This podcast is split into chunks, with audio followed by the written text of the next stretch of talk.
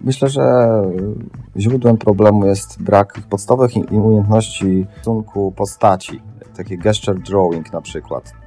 Jest podstawą w rozumieniu konstrukcji. Mówię o, o tych największych brakach, y, czyli o, posta- o animacji postaci. Animatorzy od y, animowania postaci y, są dużym deficytem. Serwis.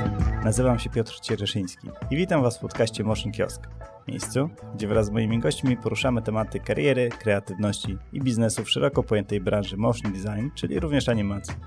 Mam nadzieję, że znajdziecie tu inspirację i wsparcie do rozwoju siebie, jak i community wokół Was. Jeśli Motion Kiosk już stanowi dla Ciebie jakąś wartość, możesz to okazać komentując odcinek, który Ci się podobał lub udostępniając go swoim znajomym. Możesz ocenić podcast w iTunes lub też jeśli masz możliwość wesprzeć go na Patreon lub Tipeee. Linki znajdziecie w opisie odcinka. Serwus. Dzisiejszym moim gościem jest jeden z trzech ojców założycieli e, studia Grupa Smacznego. Grupy, grupy Smacznego czy grupa, studio Grupa Smacznego, nie? No, Grupa Smacznego, po prostu e, studio animacji. Tak jest. Przedstawiam wam Marcina Wasilewskiego, który razem z Łukaszem Kasprowiczem i Robertem Mieszczorowskim właśnie założył studio. Bodajże w 2008 roku, nie mylę się, czy 2004? Nie, nie, nie, nie, nie, nie, już będziemy mieli za chwilę dwudziestolecie.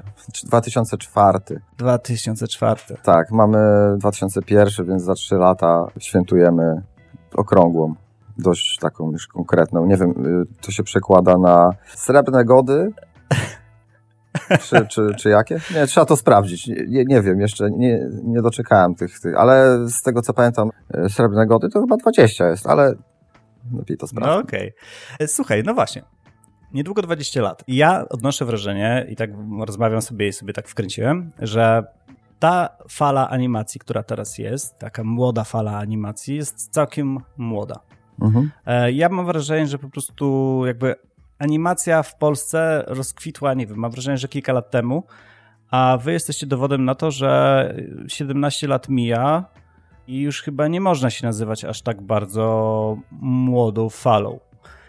Nie. No właśnie. Nie można.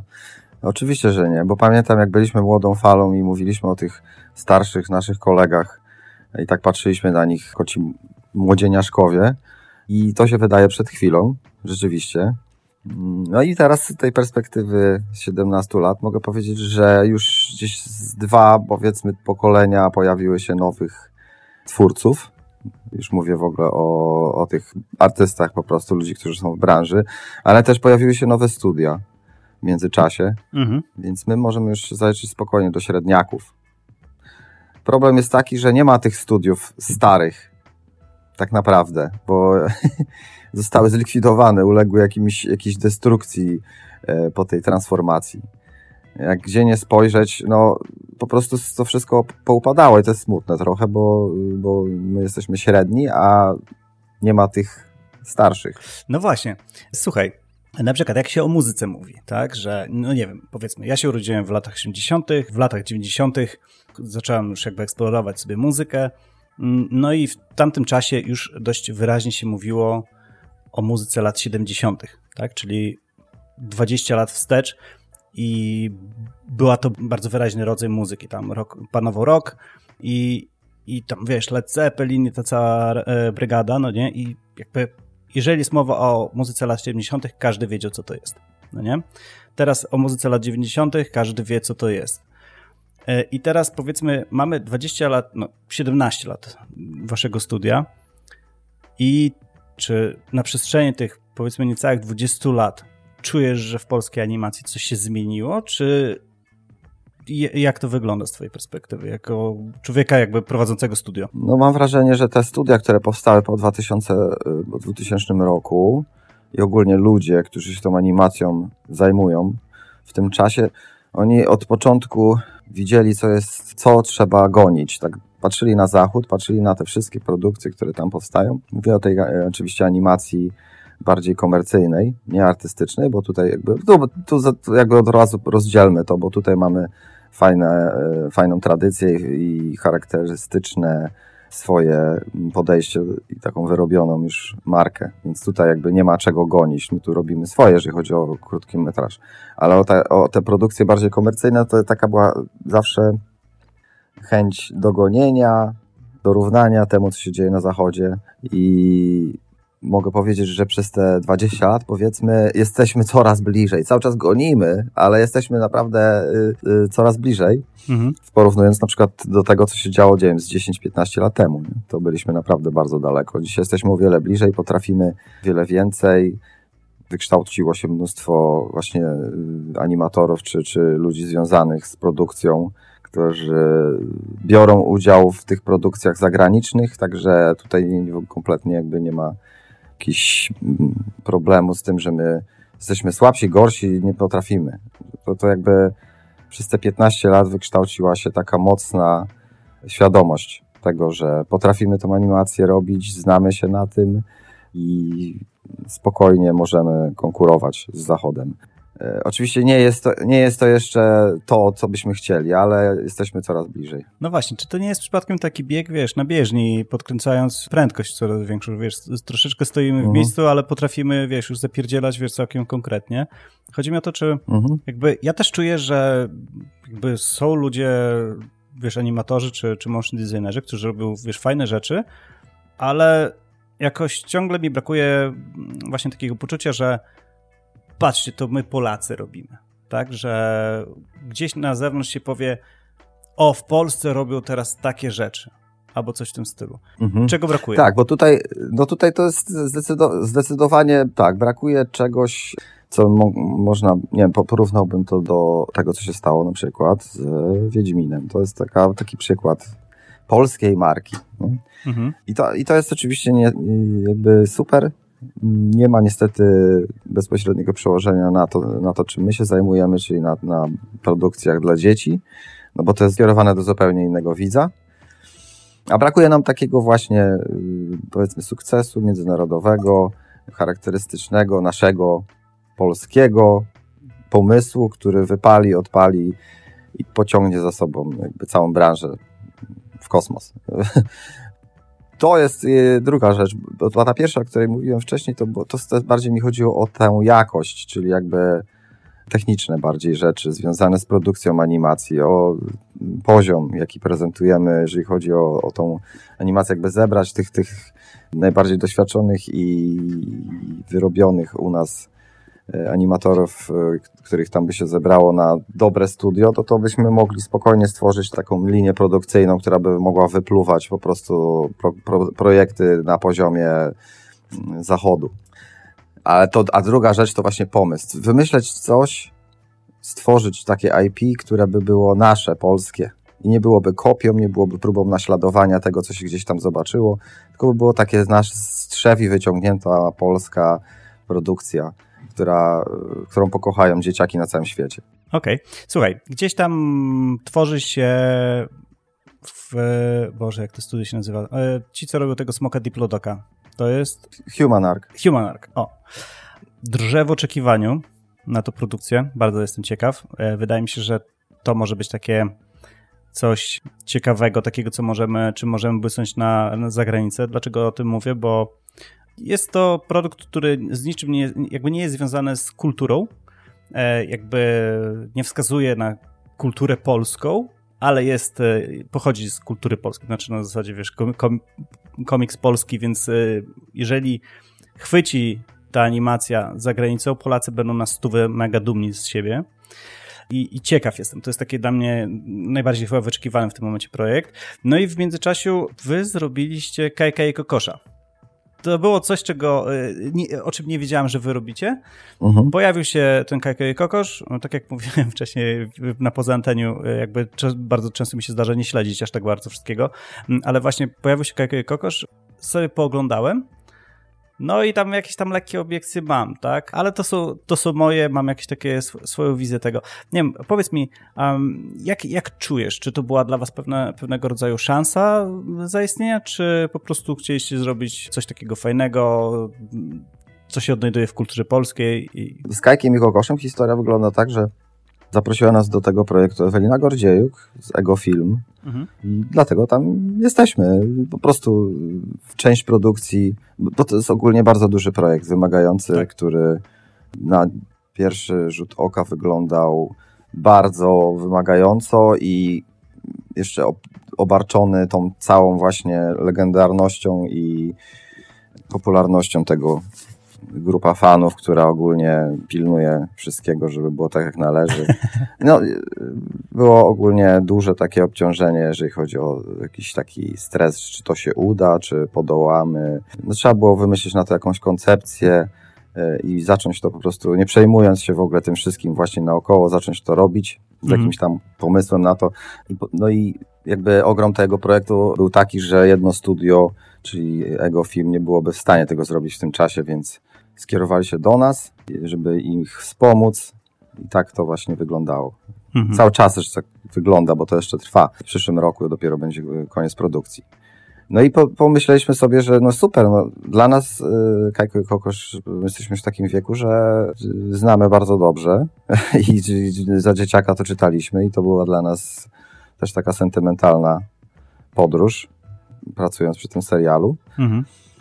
Też ogólnie sam fakt, że jest to pierwszy serial animowany Netflix Original, czyli taki oryginalny projekt Netflixa, no to też jest jakaś taka w historii naszej animacji ważna, ważne wydarzenie. Więc bardzo się cieszyliśmy, że możemy w tym brać udział.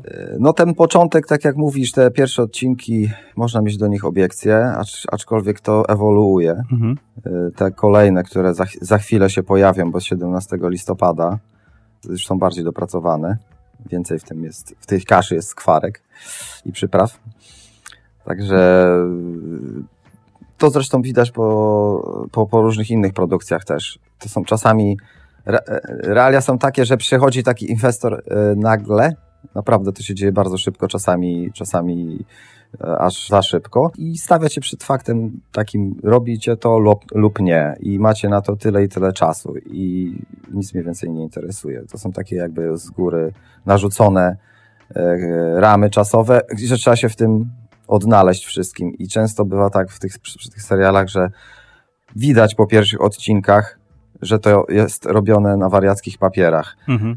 I w trakcie się, że tak powiem, cały team y, krzepnie w tym i się do projektu w tym projekcie się odnajduje i, i one po prostu są coraz lepsze. Mhm. No ja tak popatrzyłem, wiesz, sobie ze strony technologicznej na, na, na te odcinki technicznej. No i tak wiesz, e, jakby kumam, dlaczego postacie są tak animowane, a nie inaczej, ale też widać, widać, że, że na pewno nie olewaliście jakby w ogóle samej techniki i na przykład ja byłem mega zaskoczony jakością, jak zanimowany jest Miluś. E, bardzo fajnie się porusza, tak e, bardzo naturalnie zwierzęco, więc mhm. super robota. I wydaje mi się, że chyba takim pierwszym odczuciem było z mojej perspektywy, tak, takie, że ojej, to na żywo jakby w ruchu wygląda, wygląda inaczej niż w, moim umyśle, kiedy sobie czytam komiks i wiesz, resztę sobie wiesz, jakby do, wyobrażam, no nie? Więc e, fajnie byłoby mieć dystans. I e, wydaje mi się, że ktoś, kto nie jest specjalnie związany jakby sentymentalnie z Kajkiem i Kokoszem, na pewno obejrzy to w troszeczkę inny sposób i, i myślę, że będzie miał więcej fanu niż siedzi taki ktoś mhm. jak ja i wiesz, i analizuje, a bo kiedyś jak ja w komiksie czytałem, to to czułem, że to jest inne tak? I tak dalej. Tak, że... z, tymi, z, tymi, z tymi tatusiami, którzy właśnie mają swoje wyobrażenia i te y, zakorzenione jakieś wizje, które y, wynieśli z dzieciństwa, z tymi tatusiami właśnie jest najtrudniej, bo oni na to nie mogą, nie mogą spojrzeć po prostu mhm.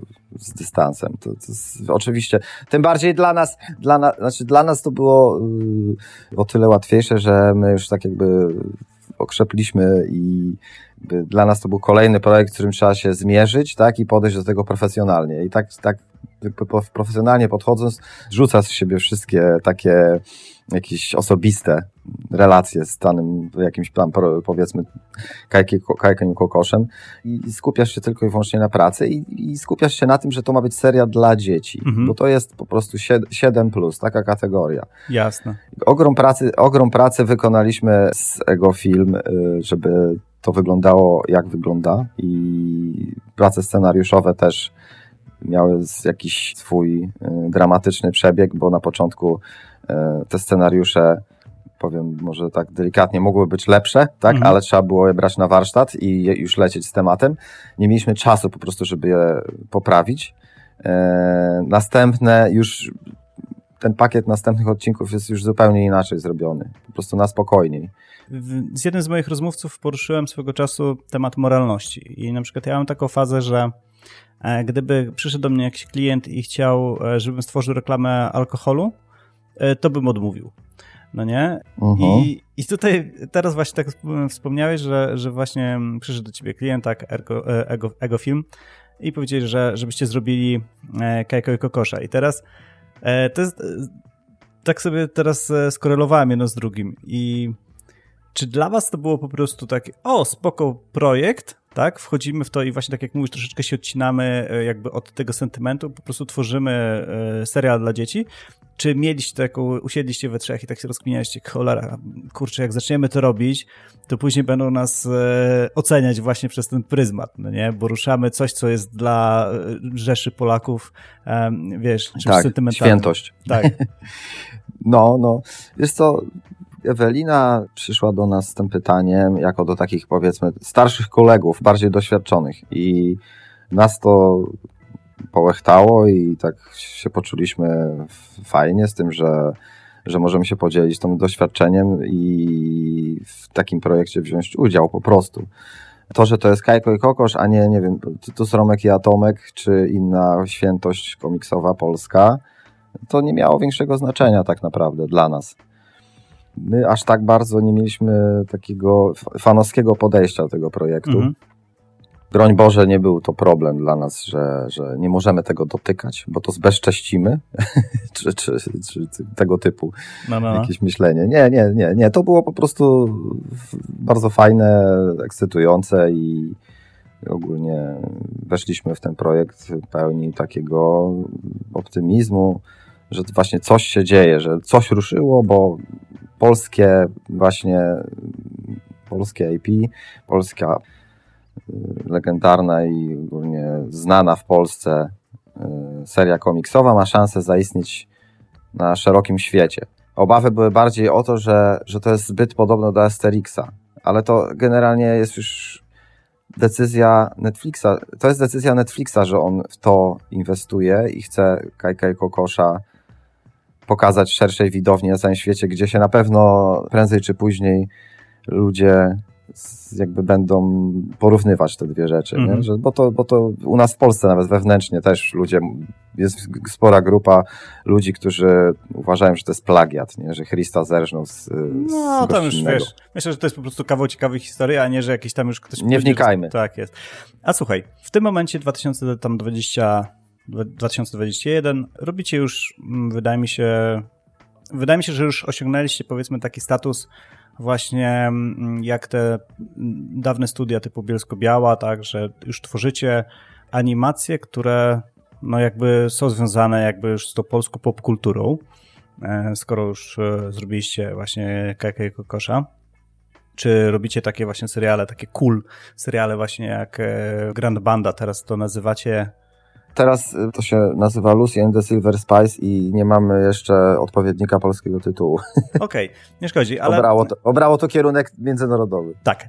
Do czego dążę? Jakby macie już, wydaje mi się, taki pewien status. Tak mi się wydaje. Ja sobie tak zakładam.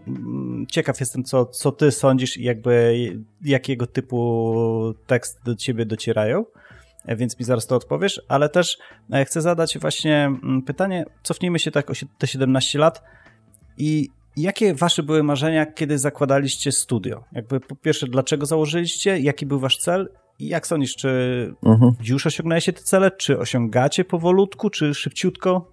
Jakie są twoje odczucia? Mhm. Znaczy, nasze studio nie było zakładane z jakimś e, biznesplanem i strategią, która była na papierze spisana, gdzie mieli, mieliśmy rok po roku wytyczone cele, które musimy osiągnąć z, nie wiem, Oscarem w, w 2015 roku na końcu.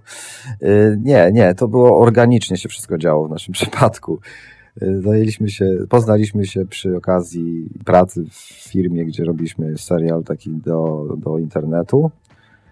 Czy też już wtedy, nie, to jeszcze to wtedy było chyba na CD-ROMy, taki serial, który, który pomagał dzieciakom e, nauce angielskiego, mhm. animację. Mhm, we Flashu to było robione.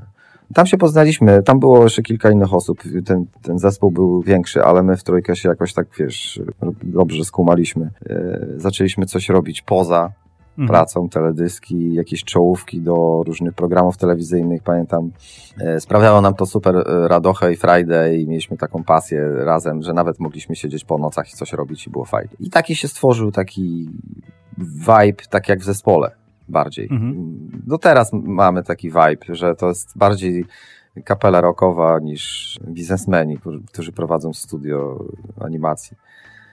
Także tak to się działo i to się wszystko rozwijało bardzo organicznie. Dochodzili do nas kolejni ludzie, ściągaliśmy y, swoim właśnie jakimś takim klimatem. Ludzi chcieli z nami robić coś. Oczywiście ci, którzy chcieli animować, no to nas tam gdzieś wyszukiwali przez internet i do nas pisali. No i tak się to powoli, powoli rozkręcało. Mieliśmy jakieś tam przyspieszenie gdzieś około 10 lat temu, takie gdzie się nagle tam z 7 osób zrobiło 25 w bardzo krótkim czasie. I tak naprawdę y, to nie był plan. To, to się działo organicznie. To się działo organicznie. Później zaczęliśmy, jak już właśnie się zrobiło z, na, z nas z 25 osób, trzeba było zacząć to jakoś ogarniać i bardziej się na tym skupiać, żeby to trzymało się wszystko jakiegoś planu, nie rozlazło na boki. Przy tam pięciu, sześciu osobach to jeszcze można powiedzieć jechać na takim takim flow po prostu mhm. w chacie do przodu. Ale przy dwudziestu paru osobach już trzeba zacząć, trzeba myśleć o jakichś, jakichś systemach, które to wszystko ogarniają i jakimś, jakiejś strategii. A, a coś pytałeś... Y, jakie, jakie wasze były cele, marzenia i czy osiągacie... Na początku? Na początku żeśmy drobnymi sprawami się zajmowali. Nikt nie chciał robić y, seriali animowanych ani pełnych, pełnych metraży. To bardziej się skupialiśmy właśnie na jakichś teledyskach i drobnych rzeczach. Nagle poprzez te kontakty, które mieliśmy w Anglii, e, odezwał się do nas Paul Shutterworth, taki producent z BBC i e, po prostu za rok już robiliśmy serial e, animowany dla CBBS Harry i Toto. To było coś, co nas tak właśnie pomogło nam w ogóle wtedy podjąć decyzję, że o, to jest to, co chcemy robić. Serie mhm. animowane. I od takiego wysokiego C zaczęliśmy, bo robiliśmy od razu 26 odcinków dla takiej wielkiej telewizji, gdzie też mogliśmy się nauczyć bardzo dużo od takiego procesu, jak, się, jak coś takiego się robi tak naprawdę. Bo to, to, to, to była dla nas y, właśnie duża nauka. A teraz czujesz, że nie wiem, jesteś tak na szczycie, czy w drodze ku szczytowi? I kiedy mniej więcej myślisz, że ewentualnie taki szczyt zdobędziecie? Nie, nie. Czy nie macie nie, celów? Nie, nie. Ja w ogóle sobie nie wyobrażam w ogóle, żeby myśleć o takich, w takich kategoriach. Jakiś, ktokolwiek u nas tutaj w na, naszej branży ktoś tak o sobie myśli, no to to no tak, chętnie z nim porozmawiam. Z mojej obserwacji jest takie studio w Warszawie, które no dość Aha, no dobra. Szybko, szyb, szybko brnie do przodu. No. Wiesz co, wiesz. tak, tak są różne, tak, przyspieszenia i takie ruchy nagle się pojawiają, takie dobre wiatry, które wypychają. To jest fajne oczywiście, nie? Ale to, to jakby nie można myśleć w takich kategoriach, mi się wydaje, bo to jest jakaś droga do upadku i do utraty. To chyba są, jeżeli ktoś o tak o sobie myśli, to znaczy, że już chyba stracił do tego serce, pasję i już mhm. nie chce tego robić, tak? Bo już po prostu osiada na laurach i, i cześć. Nie? Jasne. Słuchaj, Wydaje mi się, bo tak troszeczkę, tak jak mówię, patrzę na wszystko ze, ze, swojej perspektywy. Mm, pamiętam, jak zaczynałem bawić się w animację, jakby byliście oprócz Pigeona dla mnie drugim takim, nazwijmy to, największym lub przynajmniej najwyraźniejszym studi studiem animacji.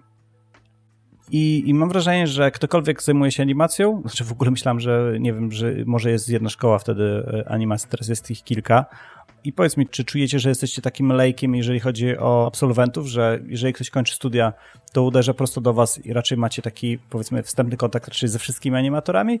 Czy raczej tak sobie tylko niektórzy do was się odzywają w poszukiwaniu pracy? Powiem szczerze, nie prowadzimy takich statystyk, nie mamy takiej wiedzy, ile tak naprawdę rocznie wychodzi spod, ze szkół takich ludzi, którzy chcą robić animacje, i my jako studio, czy inne studia właśnie mogą zapewnić im pracę. takich danych w sumie nie mam i nie wiem, ile Mhm. osób, i więc nie wiem, e, jaki procent z tych ludzi do nas się odzywa.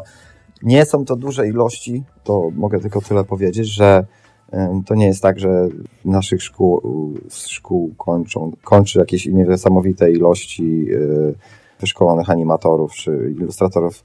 Nie ma takiej szkoły tak naprawdę, która by szkoliła w procesie produkcji serii animowanych Mhm. takiej szkoły, która by, nie wiem, przez trzy lata mogła przeprowadzić z takimi ludźmi kurs, który jest taką, e, taką symulacją pracy w studiu. Mhm. A takie szkoły są za granicą i to wyśmienicie się sprawdza. Po takiej szkole człowiek talentowany oczywiście też musi być, to wiadomo, że to się jakby jedno z drugim musi połączyć. Po takiej szkole y, y, mamy gotowego pracownika, tak, Mhm. członka zespołu, który może od razu się odnaleźć w studiu. U nas jest ten problem. Ludzie, którzy do was trafiają, tak? e, Jednak wysyłają CV. Powiedz mi, jakie jest twoje odczucie? E, Jaki poziom reprezentują absolwenci, tudzież samoucy? No, po prostu mam świadomość tego, że raczej e, ludzie, którzy do was e, się odzywają, są to, są to ludzie na początku swojej kariery. Jaki poziom reprezentują? Niski. E, Niski poziom. Niski poziom. Róż, róż, bywają czasami, zdarzają się oczywiście wyjątki, mhm. ale tak mówiąc ogólnie jest to niski poziom i ten poziom trzeba po prostu popracować nad tym, żeby to wydobyć z nich. Oni sami też nad sobą muszą oczywiście popracować. Staramy się y, sprawiać y, warunki ku temu jak najlepsze, żeby oni y, się rozwijali. No, to bolesne było stwierdzenie, ale powiedz mi, czego powiedzmy oczekujesz, jak już, tak, że jak, jak, jaki powinien być taki animator? A drugie pytanie jakby z tym związane jest, jakby co leży u tych ludzi? Co uważasz, że po prostu jakby, co jest nie tak z nimi? Co, myślę, że źródłem problemu jest brak umiejętności, takiego pod, takich podstawowych umiejętności rysowania, rysunku postaci.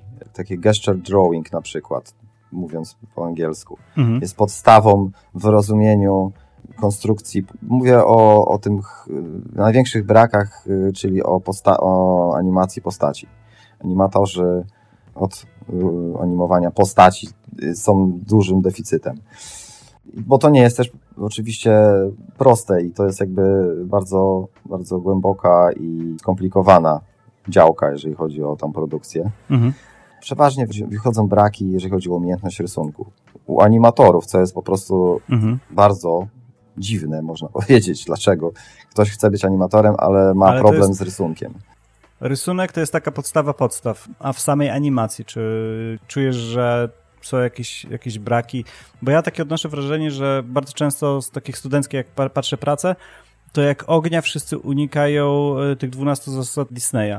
I że te wszystkie jakieś takie artystyczne animacje lub takie hej, zobaczcie co, co zrobiłem ostatnio, to mam wrażenie, Mhm. że wszędzie tego brakuje. Nikt nie próbuje zrobić takiego, wiesz, fajnego jakiegoś ruchu czy coś takiego i powiedzieć, patrzcie, kurczę, jak zajebiście zanimowałem ten ruch. Nie, nie ma czegoś takiego. Tak, tak, tak, tak. Wiesz co, no bo animacja artystyczna się innymi zupełnie prawami rządzi i tam to nie jest potrzebne tak naprawdę. Te wszystkie zasady y, wspomniane Disneya, tych dwu- dwuna- 12 principlesów, one po to zostały wymyślone, żeby nadać, nadać postaciom z bajek tak zwanego appealingu, tak? One muszą być sympatyczne, Mhm. one muszą sprawiać, że widz się z nimi identyfikuje, je lubi i tak dalej. One są po prostu takie do przytulenia. I po to są te wszystkie zasady, tak naprawdę, żeby ta postać żyła i żeby y, sprawiała wrażenie super sympatycznej. To znaczy, wiesz, te zasady są wciągnięte też do motion designu, y, czy nawet do UX jakiejś tam animacji, czy, czy właśnie motion Tak, design i, i one się Zgadzam sprawdzają. się też. Więc też ja uważam, można że to jest takie must Nawet, no, no tak, tak, to wiesz, no kulkę możesz zanimować w sposób bardzo sympatyczny, tak, a, a, a jednocześnie w bardzo nieciekawy, tak, odbijającą się kulkę, jak wiemy. Wystarczy, że zrobisz ją z gumy i, czy żelową i ona się już cała rusza i ona jest fajna, niż stalowa kulka, która się po prostu odbija jednostajnym ruchem, tak, także w przypadku postaci to oczywiście jest o wiele bardziej skomplikowane, bo to nie są, to jest wszystko jakby, to, to powinno się składać z tych prostych obiektów, żeby było można ogarnąć to i sobie zorganizować e, system animowania takiej postaci. Po to są, te, i po to też właśnie jest cała wiedza na temat projektowania postaci do animacji. Mhm. E, I tu, tu, mam wrażenie, że tej wiedzy nie, nie e, brakuje po prostu. Mhm. A e, też jakiś czas temu jedna ze słuchaczek zapytała mnie o kursy motion designu w Polsce, mm, czy w ogóle kursy animacji i no są różne, tak? Ja tak sobie tam swego czasu popatrzyłem ostatnio, jakoś to tak nie wiem, czy wygląda wartościowo, ciężko, nie, nie będę się teraz wypowiadać, no ale wiem też, że wy prowadzicie kursy Tunbuma.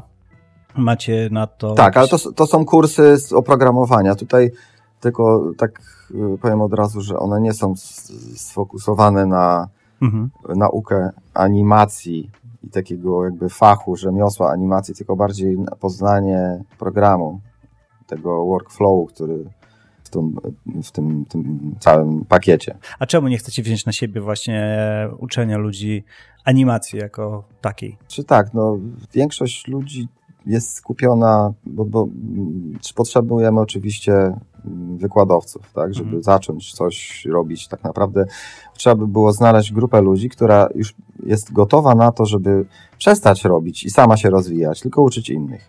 Okay. Trud, to jest problem, bo wszyscy chcą jeszcze, chcą, jeszcze są nienasyceni. Aha. Chcą udowodnić, udowodnić sobie, innym, że potrafią zrobić coś niesamowitego i jakby nie, nie, nie jest łatwo znaleźć kogoś, kto powie, kto się poświęci po prostu. Mhm. I zacznie się dzielić swoim skillem z innymi. To trzeba, wiadomo, tak jak każdy inny nauczyciel, wykładowca, trzeba mieć do tego powołanie. Hmm, oczywiście mogą być to pieniądze, którymi można tam skusić i, i, i takim aspektem tutaj próbować skusić kogoś.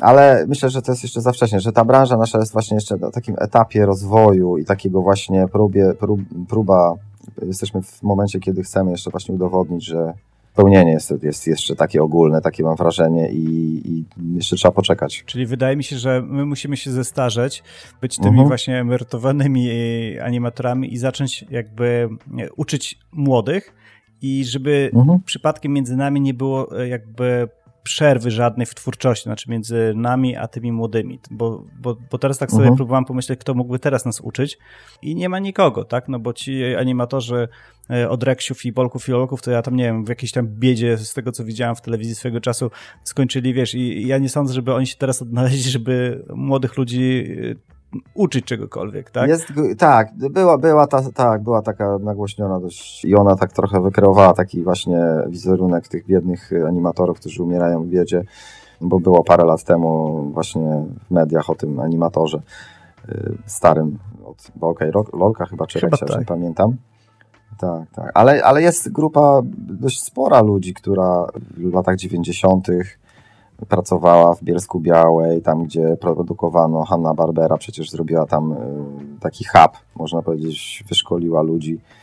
I A co oni tam robili produkowali tam.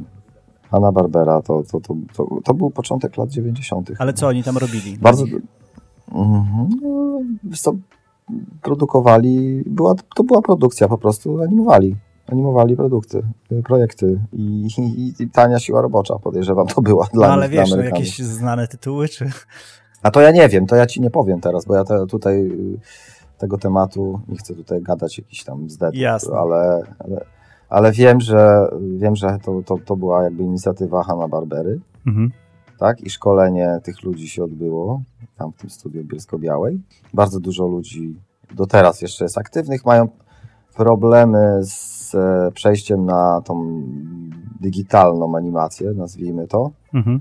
Sami, sami dwa, trzy, może już nawet i cztery lata temu zrobiliśmy taką, takie, takie szkolenie dla tych animatorów właśnie klasycznych starszej daty, mhm. żeby nauczyli się animować na komputerach, anima no w Toonboomie po prostu. I było, było zainteresowanie. Kilkanaście osób się zgłosiło.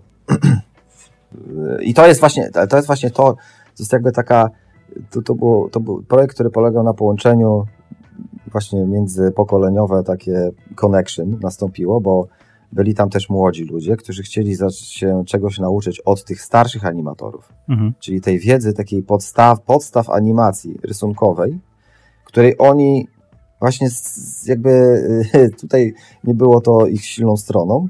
Oni byli obcykani w programie i mieli to wszystko obcykane w małym paluszku, powiedzmy program e, Toon Boom i animacja cutoutowa, gdzie wykorzystuje się narzędzia komputerowe i ogólnie komputer mhm. do tego, ale nie mieli tych podstaw takich, tego fundamentu i to była taka wymiana właśnie informacji. Ci się uczyli od tych programu, a ci od tych tej wiedzy takiej podstawowej. Cool. Jest, I wtedy mam takiego pełnokrwistego animatora, który potrafi i ci animować klasycznie na receptach, ale też jest animatorem, który ogarnia soft. Mhm. Słuchaj, e, zauważyłem coś takiego w innych studiach animacji, że jest taka tendencja zatrudniania właśnie młodych ludzi, kolenia ich i w pewnym momencie wypuszczania ich w świat. Powiedz mi, jakie są wasze doświadczenia z, e, jakby z takim procesem? Czy próbujecie mm, zatrzymywać ludzi na długo, długo, długo? Czy jesteście świadomi tego, że kurczę, no jednak jest taki moment, w którym po prostu już nie damy rady ich utrzymać i oni wylatują z gniazdka? Mhm. Czy próbujecie z tym walczyć właśnie? E, opowiedz mi o tych doświadczeniach właśnie takich z, z własnymi animatorami. E, jak, jak to wygląda jakby z waszej perspektywy ten polski rynek animatorów, jako właśnie samych animatorów, animatorów? No właśnie, z racji tego, że, że zakładaliśmy nasze studio w, te, w tym czasie, a nie innym, czyli już, już prawie 20 lat temu, to taką mamy dość szeroką perspektywę tego, co się wydarzyło i jak to wygląda. Od y, początku naszego istnienia roz, rozrastaliśmy się i przychodziło do nas właśnie coraz więcej osób, które tak naprawdę się u nas rozwijało. Rozwijali się, nabierali doświadczenia takiego jakby yy, wiary w siebie też nabierali i tam razem szliśmy, że tak powiem, do, do przodu i to było fajne, ale w pewnym momencie zaczęły właśnie się pojawiać takie mm, jakieś właśnie tak zwane, nie, nie, nie nazwą tego dezert, dezer, dezercją, eksodusy tak zwane. No i tego się nie da powstrzymać. Tego się nie da powstrzymać, no bo to jest normalne. Tak według mnie na obecnej sytuacji tego rynku, mały mamy ogólnie, mała jest ta nasza branża, jest tych studiów przecież niewiele. Między naszymi tutaj krajowymi, mówię, studiami jest dość duży ruch. Ludzie przechodzą z jednego do drugiego i to jest jakby naturalne, ale też wyjeżdżają i robią za granicą. Świat jest otwarty teraz, także wszystko tylko zależy od tego, czy jesteś wystarczająco dobry. Mhm. Więc nie ma szans, żeby zatrzymać kogoś przy sobie, jeżeli chce i się rozwijać i robić coś za granicą. Po prostu. My nigdy nie próbowaliśmy też nawet na siłę kogoś zatrzymywać, bo to, to się nie da. Więc większość naszych animatorów już odeszło. Mamy zupełnie jakby nową ekipę w studio. Mhm. Pojedyncze, że tak powiem, osoby są związane z nami na stałe i siedzą już naprawdę długo. Mhm. Ale jakby nie, nie, nie oznacza to, że nie, nie współpracujemy z tymi z naszymi starymi animatorami, którzy kiedyś byli u nas w studio, teraz są przeważnie freelancerami, bo taka jest tendencja, że jeżeli e, ktoś czuje się na tyle mocny i widzi, że to działa, to zostaje freelancerem. Mhm. Sam sobie po prostu organizuje czas i decyduje o sobie. Także to wszystko zależy od osoby. No właśnie, naprawdę. wspominasz e, freelancerów teraz, tak? Więc śmiem jakby stwierdzać, że i jakby jeżeli po, na przykład jako studio potrzebujecie doświadczonych animatorów do jakiegoś projektu, to raczej się oprzecie właśnie, znaczy nie mówię, że to jest wasz jakby głównymi, yy, głównym motorem będą ci freelancerzy, ale jednak używacie, zatrudniacie tych, e, tych freelancerów jako tych, którzy są bardziej doświadczeni. I teraz pytanie, e, czy jak jest wygodniej pracować tak naprawdę w dzisiejszych czasach, w dzisiejszych warunkach takich, e, czy gdy wszyscy, no powiedzmy, animatorzy tacy mniej doświadczeni są na miejscu, czy lepiej jest na przykład pracować z kimś, e, powiedzmy, bardziej doświadczonym, kto jest e, zdalny, tak? Zakładając, że po prostu nie możecie mhm. mieć tego e, doświadczonego na miejscu, tak? Bo jest gdzieś tam gdzie indziej. I jakie są wasze doświadczenia właśnie takie w, w, pracy właśnie z pracownikami zdalnymi i tymi, którzy są na miejscu? W chwili obecnej mamy taki schemat, że jest taki trzon zespołu na miejscu i to są tak zwani lead animatorzy. Oni mają pod sobą grupę animatorów, którą po prostu zarządzają, można powiedzieć, ale też robią taki check, control check wszystkiego, co robią. Mhm. Ta grupa, I ta grupa animatorów jest e, podzielona na tych, którzy są w studio i na tych, którzy pracują, pracują zdalnie. Wszystko się i tak odbywa przez, przez jakieś tam mm, platformy do zarządzania projektami. Jest tych, platform kilka, więc e, tu nie ma znaczenia. Nie? Ale, ale wiadomo, że więcej problemów sprawia wytłumaczenie czegoś zdalnie, mhm. pisząc to i nawet baz, baz groląc, rysując po tych stylach z, z klipu animacji, animacji, niż wytłumaczenie tego po prostu osobie, która siedzi koło ciebie i bezpośrednio możesz z nią pogadać. To mhm. jest jakby, jakby oczywiste, nie? Więc no, siłą rzeczy to jest lepiej mieć na miejscu po prostu zespół, aczkolwiek jest to w dzisiejszych czasach y, taką bardzo mało realną już sytuacją, że wszyscy są na miejscu i jest cała, cała fabryka i linia produkcyjna w jednym pomieszczeniu. Mhm. No to już jakby sprawdziło się nie, nie raz, że działa to równie dobrze online. Tak powstają potężne projekty na całym świecie mhm. zdalnie. Nie wpłynęło to, jak, to cała sytuacja covidowa na, na naszą branżę negatywnie, nie? Po prostu to, to się działo, to się działo. Nie, nie stanęły produkcje, tak jak było w przypadku kina aktorskiego. U nas to, u nas to mogło spokojnie działać i, i działało, bo właśnie wracając jeszcze do projektu Kajko i Kokosz, to wszystko się zaczęło w, w zasadzie razem z pandemią. My musieliśmy podjąć decyzję, że, że wchodzimy w ten projekt chyba w kwietniu, mhm. albo nawet w marcu, wtedy, kiedy ogłosili lockdown. Jasne.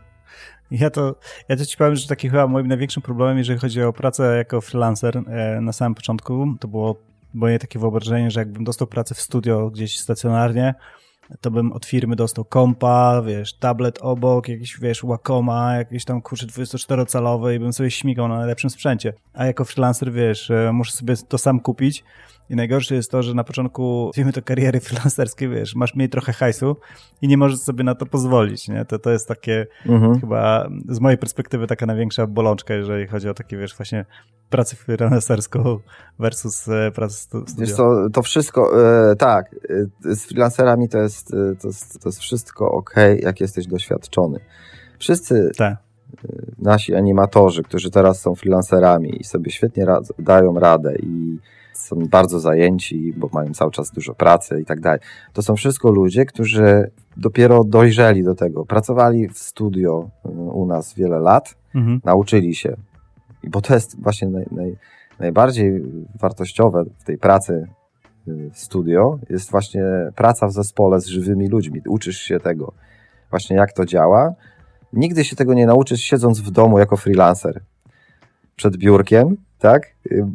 Ktoś sobie mówi, dobra, to teraz zostanę animatorem, freelancerem, nie, umie, nie, nie, nie potrafiąc niczego. No nie, to jest, to sobie automatycznie wydłuża drogę do osiągnięcia takiego poziomu profesjonalnego czterokrotnie, tak?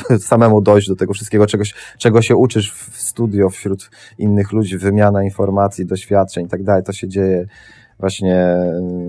Tak jest. No, nie ma porównania po prostu. No, no właśnie. A teraz, teraz też do mnie dociera takie, taka myśl, że, bo na początku tak jak myślałem waszym, o waszym studio, to tak sobie pomyślałem, cholera, kurczę, to wy jakby jeżeli już coś robicie, to tak troszeczkę na takim jakby średnim poziomie, na zasadzie, że już rozwijam moją myśl, że wiesz, że pracujecie tylko albo ze świeżakami i których sobie szkolicie do pewnego momentu jakiegoś takiego, wiesz, pułapu fajności, i nagle ten taki człowiek mhm. zaczyna myśleć, wiesz, o wylocie z gniazda, no nie? I to jest takie, a, że fajnie byłoby popracować jeszcze jakieś tam dłuższą chwilę i go, czy, czy, czy się razem z nim rozwinąć do, wiesz, do takiego już poziomu zajebistości.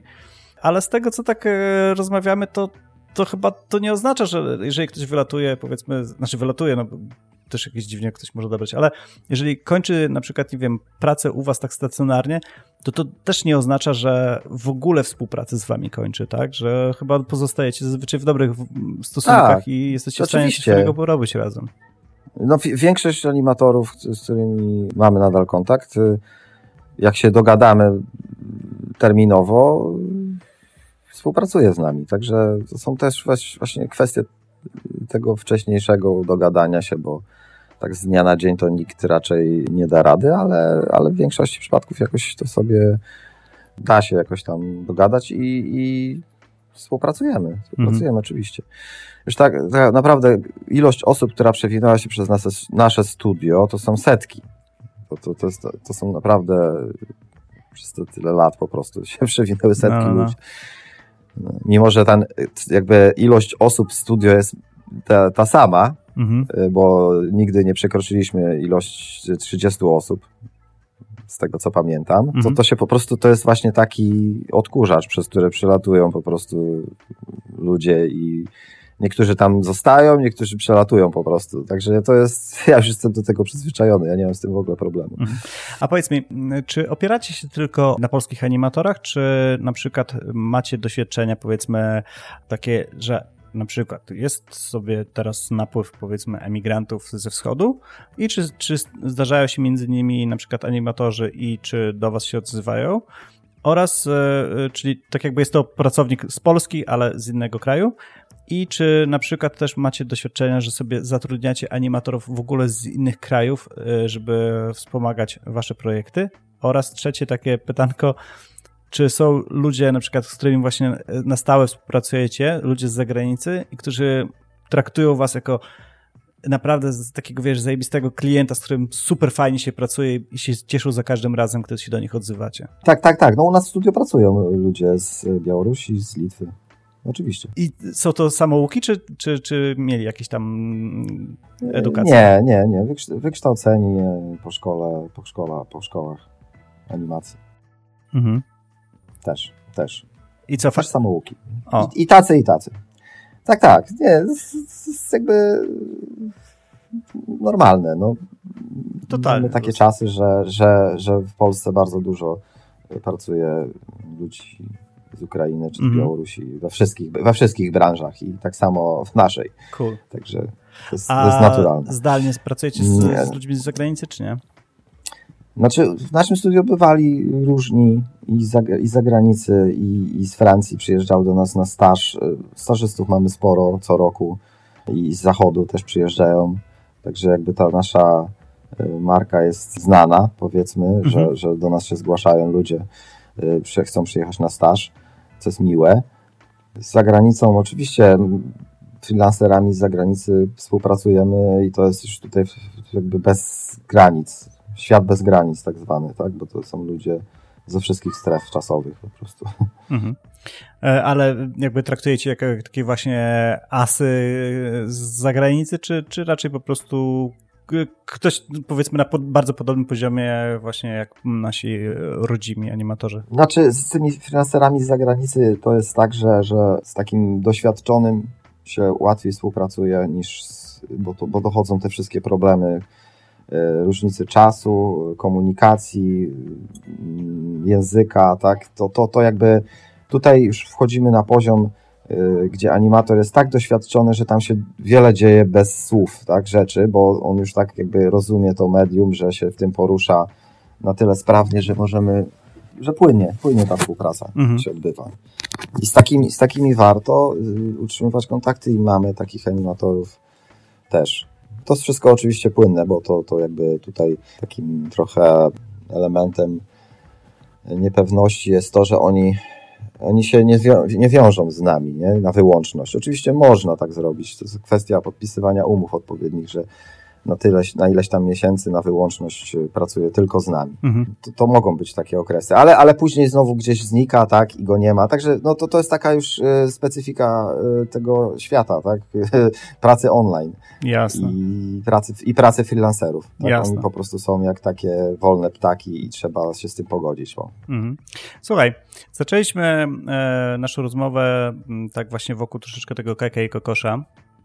E, ale ja na was patrzę jako studio, które, które ma ciągle takiego fajnego asa w rękawie, fajną animację, która uważam, że bardzo fajnie się wepnie właśnie w, w kulturę polską. Mm, mówię tutaj o animacji Mason e, Strike.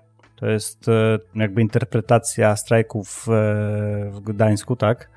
tak? Tylko w świecie myszy. Uważam, że stylowo przepiękna jest ta animacja, dotyka bardzo fajny temat y, i, i myślę, że jeśli powstanie kiedyś, to wielu, wielu, wielu, wielu ludziom to się spodoba i myślę, że będzie czymś, z czego właśnie no, Polacy będą dumni, tak, że coś naprawdę tak, tak fajnego powstało. No ale teraz pytanie, że kurczę, to zaczęło powstawać i nagle zniknęło. Opowiedz mi, co się z tym projektem dzieje. Jakie macie pomysły na to? I jakby co się stało, bo ja wiem, ale mniej więcej, ale opowiedz słuchaczom w ogóle historię tego projektu. Projekt ma już też taką dość siwawą brodę, można powiedzieć. Mhm. To już z 10 lat. Pamiętam, że pamiętam, że my mniej więcej w tym samym czasie z tym projektem, może tak z, nie wiem, z rok później zaczynaliśmy podróże po Europie, bo porównuję go z tym Another Day of Life. To było mniej więcej w tym samym czasie, oni trochę wcześniej. No i tam się jakby to też działo toczyło bardzo powoli z różnymi perturbacjami, ale w końcu zrobili sukces i można powiedzieć, że się wszystko dobrze skończyło. Ale trwało to też z 10 lat, nie? to mniej więcej, jakby tam podliczyć od początku. A u nas to y, się zaczęło z takim fajnym właśnie y, po Europie, po tych branżowych imprezach i koncepcja cała, mhm. y, która która właśnie, tak jak mówisz, była mocno, jest mocno związana z tą historią Polski i też tutaj Gdańska, skąd my pochodzimy, jest dla nas jest bardzo, bardzo ważna. Właśnie spotkała się z dużym odzewem, pozytywnym odzewem. No i wystarczyło, co wystarczyło? Napisać zajebisty scenariusz, tak? Z tym tak naprawdę mieliśmy problemy.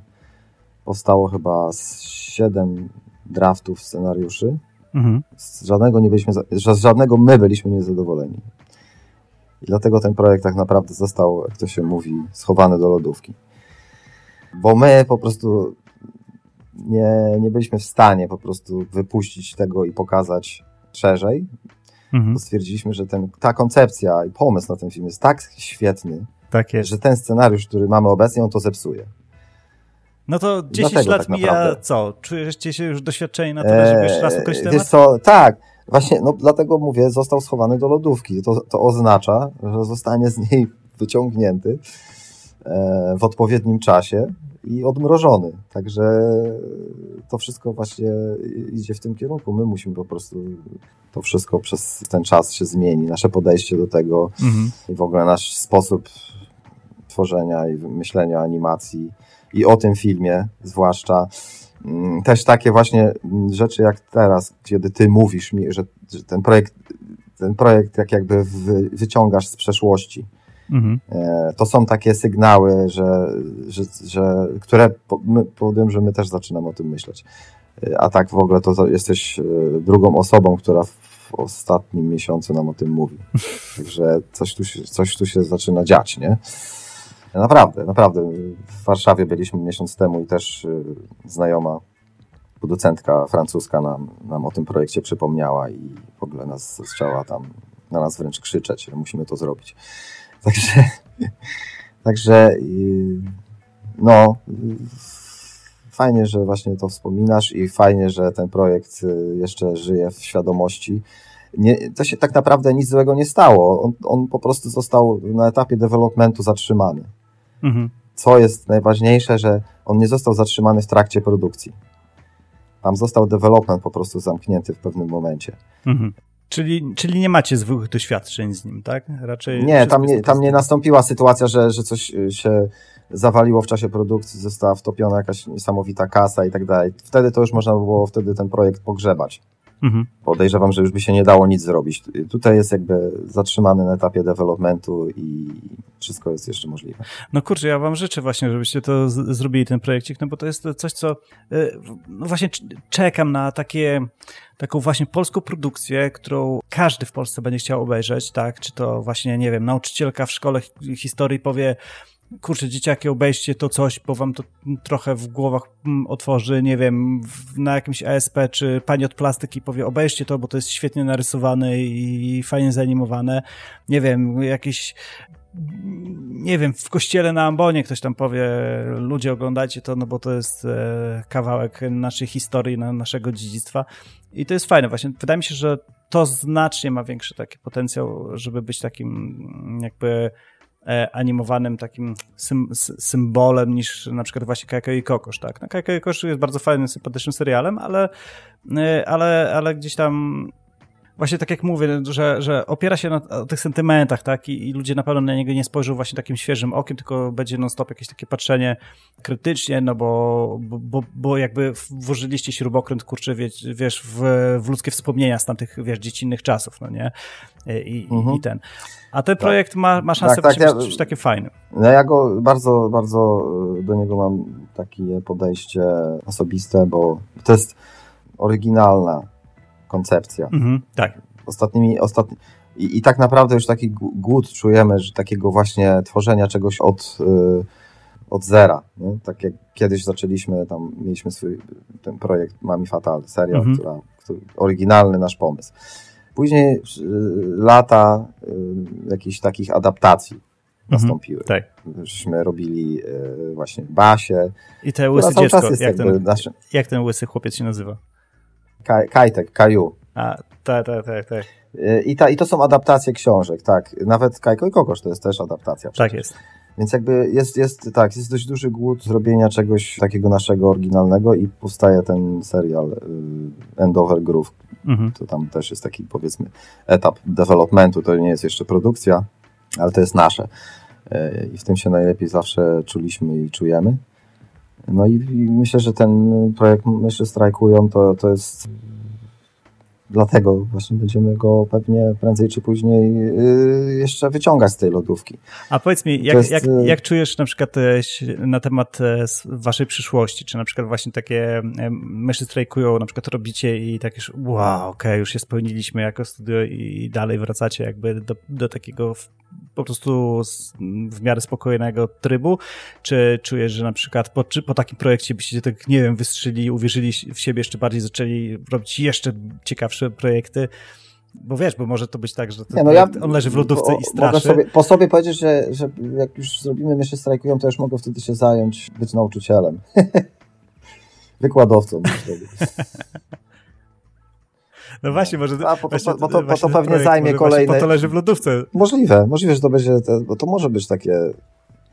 Yy, final, final, final cut tak zwany. No, no, no. Zrobimy to, jeszcze strajkują i koniec wtedy. No, odkładamy, odwieszamy buty na, na kołek. Zajmujemy się trenerką. A opowiedz mi o aktualnej waszej sytuacji. Dajecie radę?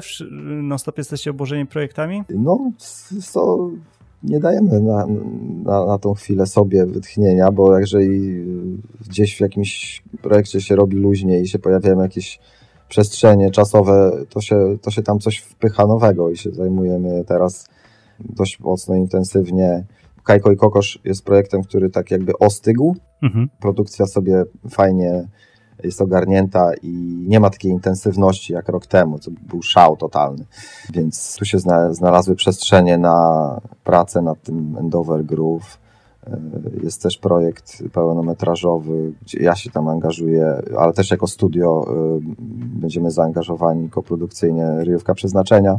Mhm. To jest pełen metraż e, na bazie komiksu Tomka Samoilika.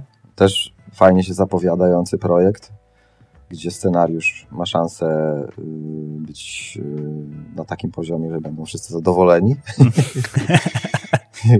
No to, jest, to jest podstawa po prostu. No, nie, to jest podstawa podstaw. No. Musi, trzeba lubić, trzeba, musi, musi się podobać historia, którą reżyserujesz, którą produkujesz. To jest jakby dość istotne. No. Także jest dużo, dużo rzeczy, tak mhm. naprawdę. A powiedz mi, e, teraz takie pytanie właśnie freelancera do, do reprezentanta studia animacji. E, ja mam na przykład czasami projekty, które biorę, bo, bo jest hajs, tak. E, staram się oczywiście wkładać tam serce i duszę w każdy projekt, no ale są czasami projekty, które lubi się mniej troszeczkę, czy to ze względu na właśnie na klienta, czy, czy, czy właśnie może na jakiś tam skrypt i tak dalej. Jak to, jak to wygląda właśnie z perspektywy studia? Czy na przykład właśnie do wszystkiego podchodzicie czysto biznesowo, także jest projekcik, e, ok, tutaj będziemy zajęci przez tyle i tyle miesięcy, hajs się zgadza, więc wchodzimy, czy czy raczej właśnie tak sobie siadacie we trójkę i sobie decydujecie, czy to pasuje właśnie do profilu waszego studia, czy tam no, slash firmy, jakby, mhm. no. No, nie da, się, nie da się brać wszystkiego tak naprawdę, bo niektóre rzeczy, no ale po pierwsze tak, hajs się nie zgadza, to nie bierzemy. Mhm. Jasne. E, bo to serwisy, to serwisy to jednak kierują się, ma, mają polegać na tym, żeby zarabiać, więc jakby wejście w serwis, do którego trzeba dołożyć, chyba raczej odpada. więc tutaj jakby tutaj też jakby się e, wszystko e, ogranicza do tego, czym się zajmujemy, tak? Mhm. Czyli ta animacja szeroko pojęta 2D. Więc tutaj, tutaj wszelkie wszelkie projekty mila widziane. Aczkolwiek najbardziej nam pasuje e, pracować e, serwis, serwis e, taki długofalowy przy serialach, jakby nam odpowiada. Mhm. Bo to jest taka stabilność, spokój, bo jednak szukanie jest non-stop. Jeżeli wchodzisz w małe projekty, robisz te takie właśnie szybkie strzały, mhm. to no, siłą rzeczy musisz mieć osoby, które się zajmują cały czas szukaniem klienta musi być ciągłość, nie? A to dlatego, żeby, żeby, team, żeby team ci się nie rozjechał na lewo i prawo, tak, żeby była cały czas y, ciągłość pracy i, i, też, i też oczywiście finansowo, żeby to się zgadzało. Czy czujecie się teraz Czyli jakoś tak specjalist, specjalistami w Polsce od tworzenia właśnie seriali animowanych dla dzieci? No tak już tyle lat to robimy, że ciężko by było się nie, nie czuć, nie, nie, nie znać na tym. No oczywiście, oczywiście znamy się. Y, dużo ludzi się do nas zgłasza, żeby im pomagać przy projektach, które rozwijają takie studia właśnie, które istnieją niedługo, nie mają jeszcze w tym doświadczenia, no to mają się do kogo zgłosić. Przynajmniej do nas się zgłaszają. No właśnie, a... może, może, może się zgłaszają dlatego, że nie mają do kogo innego, ale nie, no liczę, że się zgłaszają dla nas, bo się znamy. Takie może dziwne pytanie zadam, ale czy na przykład... E, bo w głowie mi siedzi na przykład, nie wiem, Disney i jego ekipa, tak? Jak oni robili jakiegoś Bambiego, tak, to brali zwierzaka z, z lasu, czy tam skądś stawiali tam na przykład w studio, go tam rysowali, rozkminiali, nie? Czyli takie, wiesz, starali się dogłębnie poznać temat.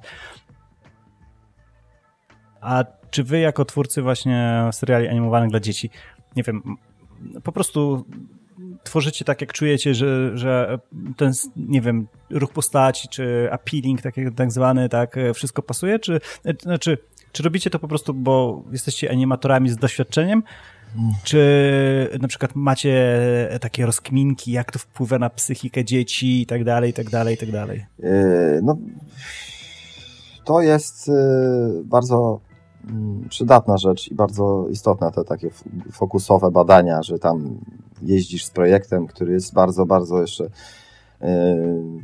w jakimś tam etapie początkowym i sprawdzasz, jaka jest na niego reakcja i tak dalej, i rozmawiasz z psychologami, to, to wszystko jakby jest super. To wszystko y, to jest bardzo mm, przydatna rzecz i bardzo istotna te takie fokusowe badania, że tam jeździsz z projektem, który jest bardzo, bardzo jeszcze w jakimś tam etapie początkowym i sprawdzasz, jaka jest na niego reakcja i tak dalej, i rozmawiasz z psychologami, to, to wszystko jakby jest super. Mhm. To wszystko y, powinniśmy robić tak naprawdę. się wydaje, że, że przy każdym projekcie.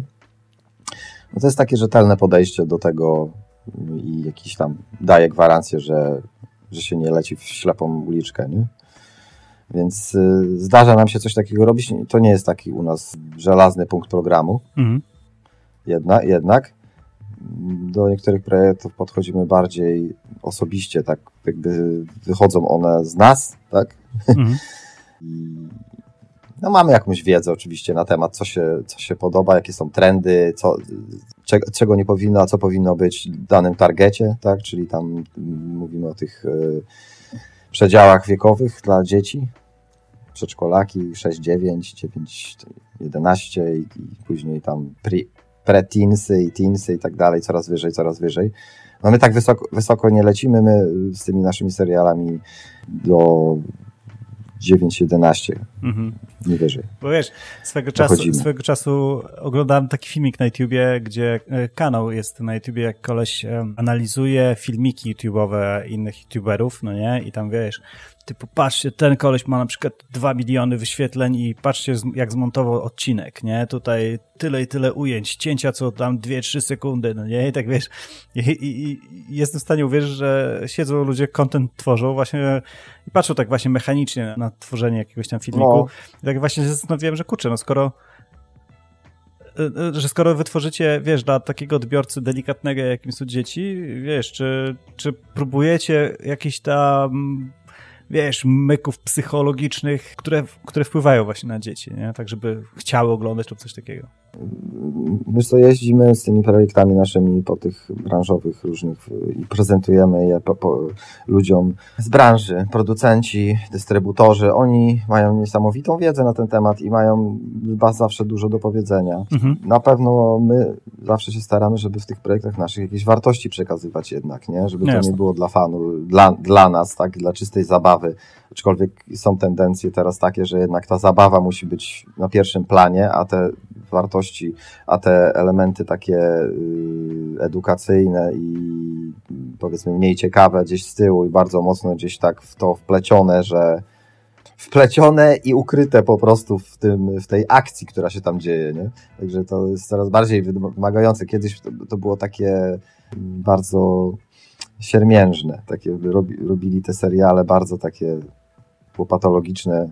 Tak. tak mentor, mentorskie takie, wiesz, to, to było strasznie nudne. Wujek dobra rada. Tak, płynęło z tego takie właśnie tylko i wyłącznie mentorstwo, a teraz to jakby zupełnie się odwróciło. No i, i, i taki, szukając, zbierając, szukając producentów i, i dystrybutorów też zbieramy taki, taki feedback, nie? I z którego tam mocno czerpiemy i te projekty dlatego tak długo też się y, tworzy, bo one ulegają cały czas jakimś transformacjom. Mhm. Zmienia się, wyrzuca, wyrzuca, to się tutaj dodaje i tak dalej. Tutaj nawet i, i się ten cały design zmienia czasami, bo się okazuje, że ten jest za bardzo jakiś tam. No ale właśnie chciałem tylko jeszcze, bo to, o tym YouTubie mówiłeś, to jest super narzędzie właśnie do tej analizy, gdzie można tam nawet śledzić, gdzie jest większa uwaga, na czym się skupiają widzowie, na, na, na jak, jak sobie włączysz ten klip, nie? I timeline, to jest super. Tylko, że trzeba mieć już zbudowaną potężną bazę tych subskrybentów. No tak. Bo, no bo co, co, co ci da, wiesz, y, takie bieganie, chodzenie po przedszkolach jest po prostu według mnie bez sensu w mhm. obecnych czasach, tak? Bo pójdziesz do dwóch, trzech, już masz dość, jesteś zmęczony, bo, bo po prostu zajmuje to mnóstwo czasu i energii, mm, a tak naprawdę zrobiłeś y, badania fokusowe w grupie, nie wiem, 50 dzieciaków, tak? To jest jakaś tam malutka, wąska, wąski wycinek. A na takim YouTubie, jeżeli masz bazę subskrybentów idącą, idącą w tysiące, czy w dziesiątki tysięcy, czy jeszcze więcej, no to masz, nie, masz super narzędzie mhm. do tego, żeby modelować, rzeźbić swoje właśnie kolejne nowe projekty pod potrzeby. No właśnie, teraz tak rozmawiamy o narzędziach i takim nowocześniejszym podejściu.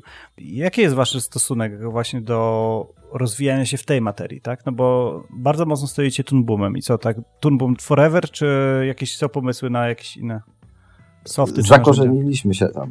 Zakorzeniliśmy się w tym Tunboomie, to, to prawda, bo cały ten nasz studio pipeline na tym polega, na Tunboomie. No i tam wszystkich, jakbyś tam, jeżeli chodzi o, o otoczenie, czyli compositing, montaż, tak dalej, to to jest głównie pakiet Adobe. Mhm. Więc tutaj się na, na, tym opieramy i w zasadzie jakoś tak uspokoiło się, bo kiedyś to tak było więcej, więcej y, chęci i jakiejś takiej energii do tego, żeby szukać tutaj czegoś wspaniałych, nowych, nowoczesnych rozwiązań. Więc teraz już tego aż tak nie śledzimy, powiem szczerze. Pojawiają się co, co chwila jakieś nowe programy, ale no był chyba z tego co wiem y, jest takim wiodącym y, w branży. Wszystkie, wszystkie chyba studia największe to, to, to, to skorzystają z tego Tunbooma i tutaj na razie się nie pojawiło nic, tam Moho, Moho no, się pojawiło teraz tam i się... chyba wychodzi tak troszeczkę z cienia tymi swoimi możliwościami 2D wspomaganymi 3D, więc jakby Wydaje mi się, że to, to może być ciekawy gracz. Mówisz o Blender? Tak, tak, tak. Blenderze? Mhm. Tak, tak, tak. No, a Blendera to akurat lubimy, bo robiliśmy w Blenderze krótki metraż kiedyś, y, taki Lost Senses. On był w Blenderze robiony. No właśnie, to jest taki wa- wasz e, taki projekt, którym chyba lubicie się chwalić. On już chyba trochę brodę ma, nie wiem, Ma, ma. to kiedy coś nowego, 2013. takiego wyraźnego. Ale y, właśnie to, to była taka chęć eksperymentowania. To wyszło nam fajnie, bo to było takie właśnie połączenie 2D z 3D. Mhm. Y, Nawet y, myśleliśmy o wykorzystaniu tej technologii wtedy w tych myszach. Pod tym kątem był ten short robiony, żeby wykorzystać tą, tą technikę mm, w, w myszach. Mhm. Także tak. No i z tymi shortami to u nas jest jakby, no, nie mamy do tego serca. nie, nie, nie, nie jest to naszym jakimś celem i naszym, nie wiem, ambicjami, żeby tych shortów produkować w jakiejś niezliczonej ilości. No. Nie szukamy tak naprawdę. Więc jakby to się dzieje na uboczu. Czyli, czyli z tego, co nie? tak e, po tej rozmowie tak sobie sąd, e, widzę i czuję i słyszę, to tak e, raczej jesteście tak właśnie stabilnym studiem z, nazwijmy to, tradycjami i pewnym takim jednokierunkowym takim fokusem raczej sobie na spokojnie żyjecie i tworzycie taką stabilną jakość, tak? Nie eksperymentujecie, nie kombinujecie niepotrzebnie.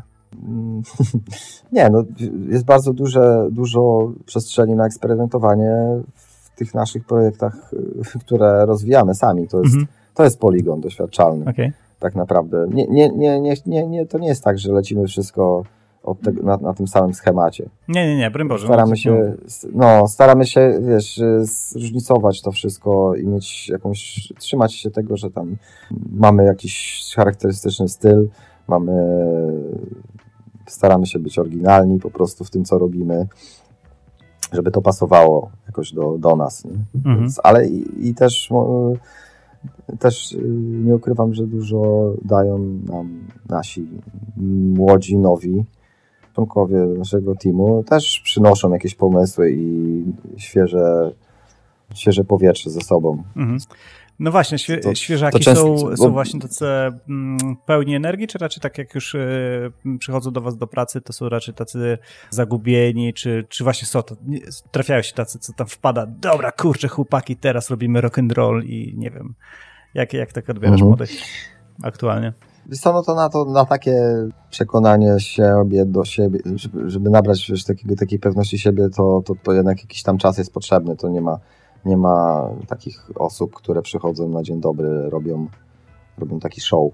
Mhm. Tylko to, ta, takich rzeczy nie, nie było, ale, ale jest, jak ktoś ma wizję i nie boi się jej przedstawić. My próbowaliśmy nieraz w studio takie, robiliśmy nie, nie konkursy, ale takie akcje, żeby po prostu ludzie, jak mają jakieś pomysły, żeby się tym podzielili. Nie?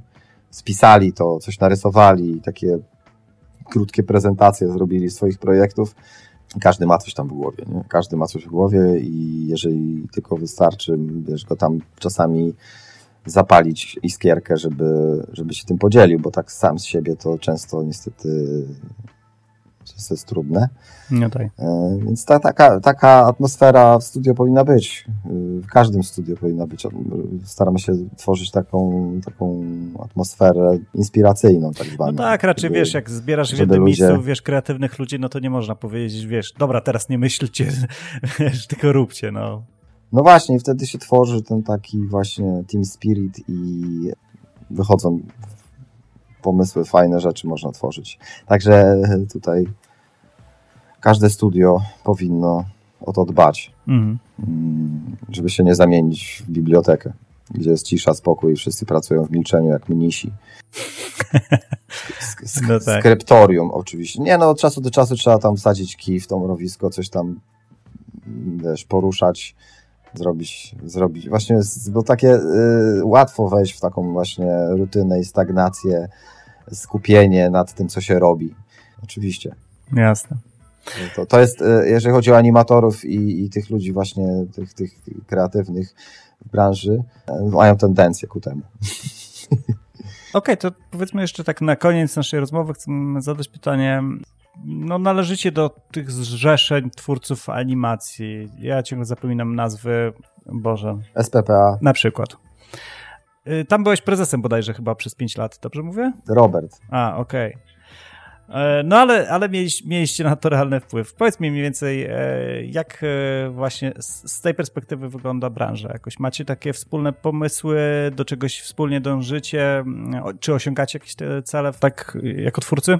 Co do czasów pandemii, ta, to stowarzyszenie bardzo mocno było sfokusowane na promocji za granicą mhm. polskiej animacji, czyli wszystkie środki i siły szły na, na, przed, na reprezentowanie polskiej animacji na wszystkich możliwych targach filmowych e, na świecie.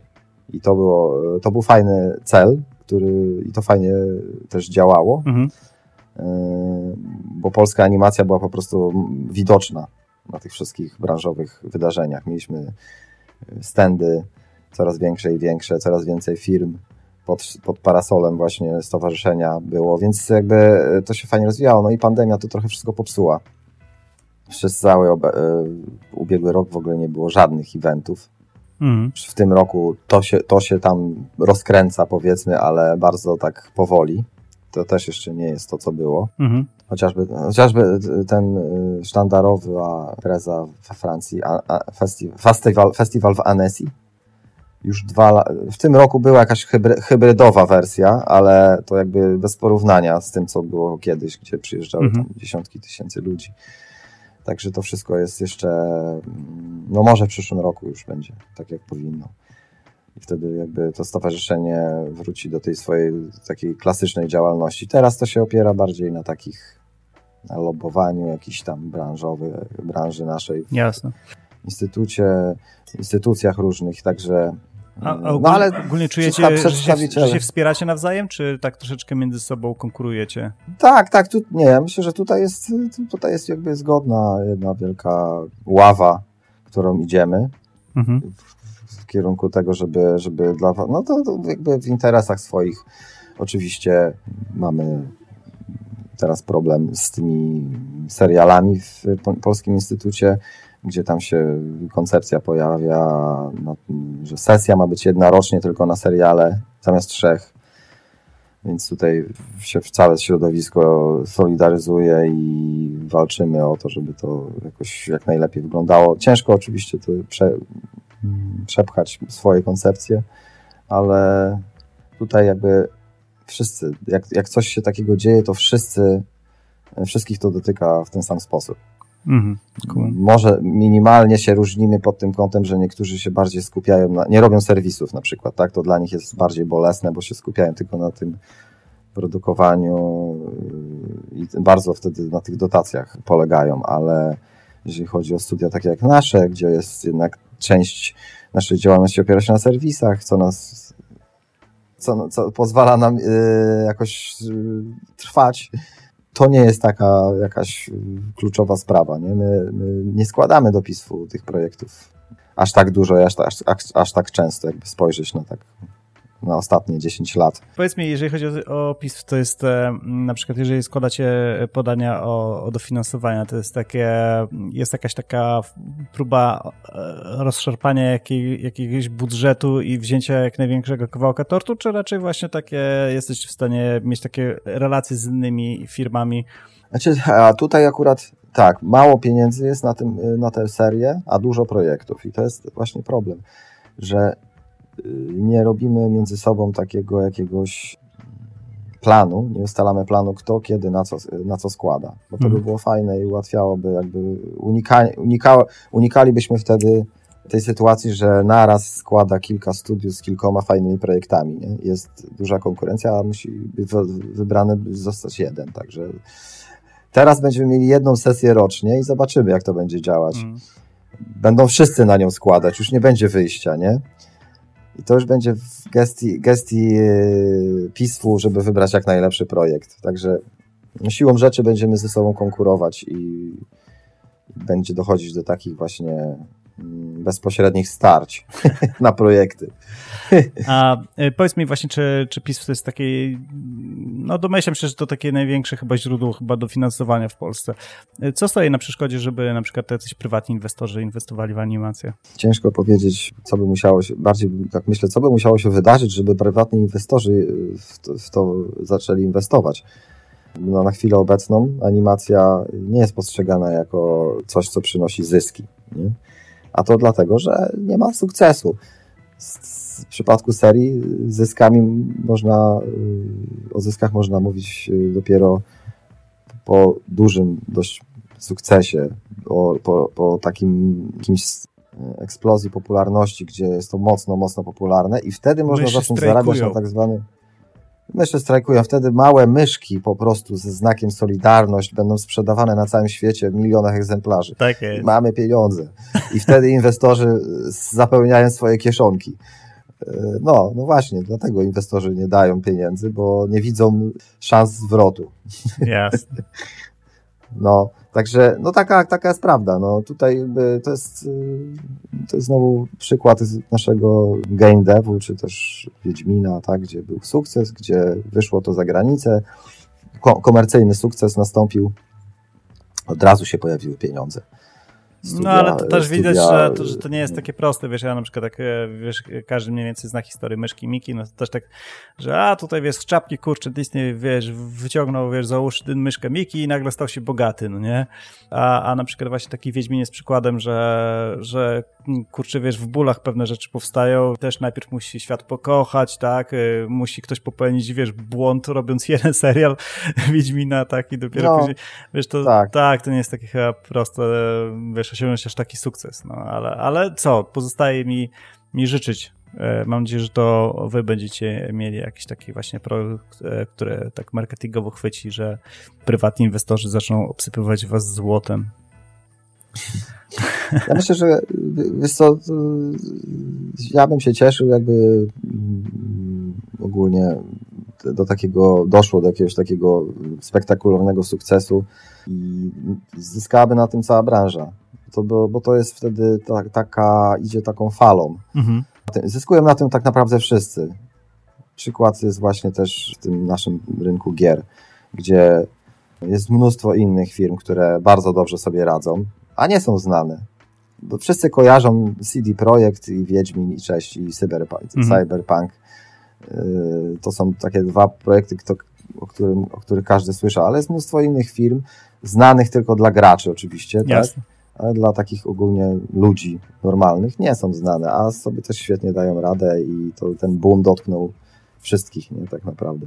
Więc mhm. ja życzę wszystkim, y, żeby to się stało w końcu i obojętnie kto jak, ale żeby się stało i będzie dobrze wtedy wszystkim, tak? Myślę, że to nie, nie, nie ominie nikogo w branży. Mhm.